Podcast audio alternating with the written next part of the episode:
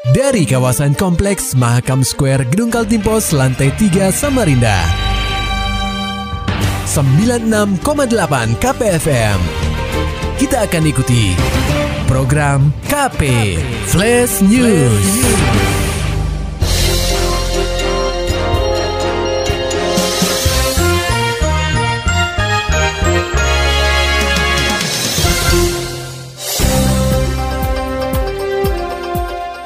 Anda sedang menyimak program KP Flash News bersama saya Agung Pratama. Kabar pertama pendengar KP dari kabar Diskominfo Kaltim. Menteri Dalam Negeri menerbitkan instruksi nomor 52 tahun 2021 tentang penyusunan dokumen perencanaan pembangunan daerah bagi daerah dengan masa jabatan kepala daerah berakhir pada tahun 2023 dan daerah otonom baru Pesannya pada masa transisi pemerintahan tahun 2024-2026, kegiatan pembangunan daerah diharapkan tetap terarah dan berkesinambungan. Hal itu disampaikan Asisten Perekonomian dan Administrasi Pembangunan Setda Provinsi Kaltim, Ujang Rahmat, yang mewakili Gubernur Kaltim Isranur dalam kegiatan Forum Perangkat Daerah atau FPD, Rancangan Renstra Badan Pendapatan Daerah atau Bapenda Kaltim tahun 2024-2026 yang digelar di Hotel Mercure Samarinda, Selasa 14 Maret 2023. Ujang mengatakan forum perangkat daerah ini merupakan salah satu bagian dari alur perencanaan pembangunan daerah. Pada proses ini dilakukan proses perencanaan melalui pendekatan partisipatif dengan melibatkan berbagai pemangku kepentingan agar semua pihak yang secara langsung maupun tidak langsung memperoleh manfaat atau dampak dari perencanaan dan pelaksanaan pembangunan di suatu daerah. Ujang menjelaskan Bapenda sebagai organisasi perangkat daerah pengelola pendapatan daerah memiliki peran penting dalam mendukung pelaksanaan kegiatan pembangunan di benua etam. Jika dalam beberapa tahun yang lalu porsi dana transfer dari pusat masih mendominasi struktur penerimaan di Kaltim, maka mulai saat ini secara berangsur mulai berubah. Hal ini terbukti dengan keberhasilan Provinsi Kaltim meraih penghargaan dari Kementerian Dalam Negeri, yakni peringkat kedua pemerintah daerah dengan realisasi pendapatan daerah tertinggi dari tahun 2020 ke tahun 2021 kategori provinsi di mana salah satunya ditentukan oleh faktor penerimaan pendapatan asli daerah. Melalui penyusunan rancangan Renstra ini, Ujang menginginkan supaya forum ini bisa mengangkat permasalahan dan isu strategis yang saat ini menjadi tujuan dan sasaran ke dalam strategi dan arah kebijakan yang dijabarkan dalam rencana program, kegiatan, dan subkegiatan sehingga penyelenggaraan tugas pokok dan fungsi Bapenda Kaltim dapat berjalan dengan baik sesuai dengan kewenangannya. Berita selanjutnya pendengar KP demi memberikan pelayanan kepada masyarakat dalam pemenuhan infrastruktur dasar, Pemprov Kaltim melalui Dinas Energi dan Sumber Daya Mineral atau ESDM akan membangun pembangkit listrik di tiga desa di Kutai Barat, yakni di Kecamatan Bongan dan Long Iram. Wakil Gubernur Kaltim Hadi Mulyadi didampingi Kepala Dinas ESDM Kaltim, Munawar, menjelaskan pembangunan dilaksanakan tahun ini dengan harapan masyarakat di tiga desa di Kubar segera mendapatkan penerangan listrik. Adapun tiga desa tersebut, yakni Desa Lemper dan Deraya Kecamatan Bongan, serta Desa Ujo Halang, Kecamatan Long Irang. Menurut Hadi, pembangunan ini sebagai wujud perhatian dan kepedulian Pemprov Kaltim selama kepemimpinan Gubernur Isranur dan dirinya kepada rakyat Kaltim. Hadi mengatakan pembangkit listrik yang akan dibangun adalah pembangkit listrik tenaga surya atau PLTS dengan jumlah sambungan. Di Desa Lemper Bongan 88 sambungan, Desa Deraya Bongan 45 sambungan, dan Ujo Halang Long Iram 56 sambungan rumah. Lebih lanjut, Hadi sangat berharap program ini bisa terrealisasi pada tahun 2023 ini. Berita selanjutnya pendengar KP masih dari kabar Diskominfo Kaltim. Kaltim jadi provinsi pertama di Indonesia yang melakukan sosialisasi dan pembekalan DBON. Laporan selengkapnya akan disampaikan reporter KPFM Samarinda, Muhammad Nur Fajar. Pemprov Kaltim mulai melaksanakan sosialisasi dan pembekalan desain besar olahraga nasional atau DBON yang mengangkat tema menuju organisasi yang kuat, sinergitas untuk mencapai visi DBON 2045 di Ruang Ruhui Rahayu, kantor Gubernur Kaltim, pada Selasa 14 Maret 2023. Gubernur Kaltim Isran Nur yang diwakili oleh Asisten Pemerintahan dan Kesejahteraan Rakyat Setda Provinsi Kaltim, HM Sirajudin, menerangkan pembinaan dan pengembangan keolahragaan nasional harus terlaksana secara terintegrasi dan kolaboratif. Untuk itu, perlu didukung dengan kebijakan yang bersinergi dalam dan selaras dengan perencanaan pembangunan nasional. Sebagai Ketua Harian DBON Kaltim, Syirajunin menambahkan, Kaltim sangat berkepentingan terhadap DBON karena olahraga adalah salah satu indikasi keberhasilan pembangunan nasional, sehingga pembinaan dan pengembangan olahraga harus ditempatkan dalam kerangka spirit of the nation, serta alat pemersatu bangsa dan sebagai gaya hidup sehat dan bugar manusia Indonesia, serta menemukan bibit-bibit atlet muda yang andal dan berprestasi. Sebagai tindak lanjut, pihaknya akan melakukan konsolidasi ke kabupaten atau kota karena mereka lah yang memiliki atlet-atlet. Oleh sebab itu, dirinya mendorong kepada bupati ataupun wali kota di Benua Hitam untuk segera membentuk DBON dan menyusun program sesuai harapan dari pemerintah pusat. Harapannya untuk menuju ke Olimpik itu tentu yang punya atlet itu kan kabupaten kota. Ya kita sudah mendorong bupati wali kota segera membentuk DBON juga dan segera membuat menyusun programnya. Sesuai dengan harapan dari pemerintah pusat untuk Go Olimpik 18 tadi. Dan yang kedua uh, di kabupaten kota itu segera membentuk PPLD karena menampung atlet-atlet yang punya potensi khususnya usia dini yaitu yang nanti baru nanti kita bergerak setelah tingkat ke atasnya ke SKOI dan mudah-mudahan bisa disesuaikan dengan 18 cabur khusus dulu. Lebih lanjut, Sirajudin berharap dalam penyusunan dan perumusan program-program DBON dapat dilakukan secara aplikatif di mana semua elemen baik dari pemerintah, swasta, dan masyarakat juga dapat terlibat dalam proses perumusannya demi mewujudkan impian Indonesia Emas. KPFM Samarinda, Muhammad Nur Fajar melaporkan. Sementara itu dari dunia ekonomi pendengar KP, pelan tapi pasti harga cabai di benua etam mulai merangkak naik.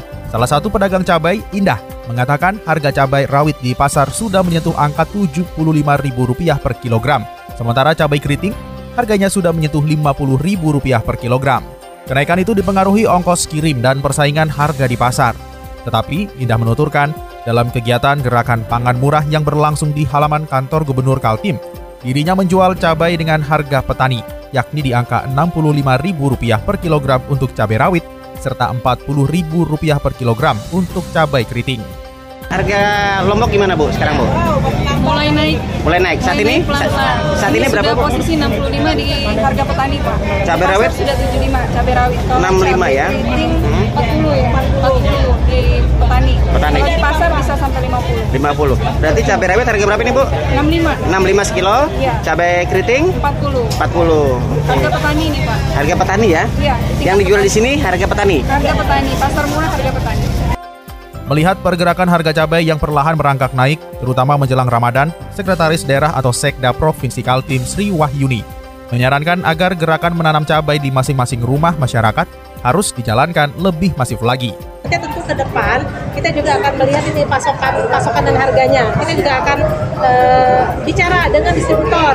Jadi di dalam perdagangan itu juga tidak hanya nilai ekonomis yang diperhitungkan, tapi juga ada kemaslahatan umatnya gitu ya. Nah kemudian tadi juga kita eh, apa namanya sampaikan di sini memang ditawarkan ada bibit lombok. Nah tapi nanti ke depan gerakan menanam lombok itu harus menjadi gerakan masif, provinsi, kabupaten, kota sampai desa. Kalau untuk satu rumah nanam lombok, bayangkan kalau semua masyarakat itu bisa memenuhi kebutuhan lombok dari pekarangannya sendiri. Nah, itu pasti akan berkontribusi untuk mengurangi inflasi. Kan kalau untuk uh, acara-acara besar tidak setiap hari kita lakukan, tapi gerakan menanam lombok itu benar-benar bisa di uh, apa ya dilakukan secara masif gitu ya. Menurutnya kegiatan gerakan pangan murah yang berlangsung di halaman kantor Gubernur Kaltim sejak tanggal 14 sampai 16 Maret ini sangat membantu masyarakat dalam penyediaan cabai dengan harga murah. Meski demikian, Pemprov Kaltim tetap akan melakukan pengawasan terhadap pasokan dan harga cabai di benua etam untuk menjaga harga cabai supaya tetap terkendali. Beralih ke berita selanjutnya, pendengar KP Badan Pusat Statistik atau BPS melaporkan ekspor Kaltim pada periode Januari 2023 mengalami penurunan sebesar 16,98 persen dibandingkan Desember 2022. Kendati demikian, dalam laporan BPS tersebut nilai ekspor non-migas Kaltim pada hasil pertanian meningkat drastis di tengah lesunya ekspor hasil tambang dan hasil industri. Kepala BPS Kaltim Yusniar Juliana menjelaskan nilai ekspor hasil tambang turun 19,49 persen dari 2.291,87 juta US dollar menjadi 1.845,18 juta US dollar. Kemudian nilai ekspor hasil industri turun 0,56 persen, yaitu dari 337,36 juta US dollar menjadi 335,47 juta US dollar. Tercatat peningkatan pesat pada sektor hasil pertanian mencapai 534,18 persen atau dari 0,38 juta US dollar menjadi 2,39 juta US dollar. Aktivitas ekspor di Januari 2023 ini masih mengalami peningkatan ya eh, dan peningkatan yang cukup signifikan sebesar 126,56 persen. Dan ini juga eh, disebabkan karena baik itu kegiatan ekspor migas maupun non migasnya mengalami peningkatan yang cukup tinggi di mana peningkatan pada ekspor eh, migas ya jika kita bandingkan bandingkan ekspor Januari 2023 dengan Januari 2022 itu mengalami peningkatan sebesar 296,81 persen. Sementara untuk ekspor non migasnya meningkat sebesar 116,47 persen. Sebagai perbandingan, komoditas hasil tambang tetap menjadi andalan ekspor Kaltim dengan peranan sebesar 75,34 persen periode Januari 2023 sehingga peningkatan yang terjadi pada sektor hasil pertanian tidak memberikan dampak kuat pada nilai ekspor non-migas Kaltim. Secara umum, Yusniar menyebutkan nilai ekspor non-migas Januari 2023 mengalami penurunan sebesar 16,98 persen jika dibandingkan dengan Desember 2022. Sementara itu pendengar KP luncurkan Smart Water, inovasi terbaru Perumdam Tirta Kencana Samarinda. Berikut laporan rekan kami, Maulani Alamin. Perumdam Tirta Kencana Samarinda terus melakukan inovasi. Terdapat tiga inovasi yang dicanangkan perusahaan pengelola air bersih tersebut, yakni Smart Water, aplikasi lapor bayar dan pemberian subsidi bagi warga miskin, dan miskin ekstrim berupa pemotongan pemakaian rekening air bulanan. Berikut penjelasan Direktur Teknik Perumdam Tirta Kencana Samarinda, Ali Rahman. Free, iya, itu yang informasinya free. Jadi semuanya diganti, tapi khusus untuk daerah-daerah perumahan-perumahan dulu. Nanti perumahan yang lebih nyaman terjangkau, lebih mudah mengamatinya dan jaringannya sudah terisolir, jadi kami bisa evaluasi terus. Nah. 2000 ini tahun ini juga atau bisa bertahap? 2000 tahun ini secara bertahap. Semua anggarannya dari mana Pak? Dari Perumdam Tirta Rencana, Kota Samarinda. Wali Kota Samarinda Andi Harun memberi apresiasi upaya Perumdam Tirta Kencana. Ia menyebutkan inovasi ini adalah good public service Menurutnya, langkah tersebut merupakan awal tata kelola pelayanan air yang bermanfaat baik bagi sisi pelanggan maupun perumdam sendiri. Program pemasangan smart water diharapkan bisa memberikan transparansi ke masyarakat terkait pemakaian air. Ya intinya uh, good public services. Semakin kita perbaiki secara bertahap layanan publik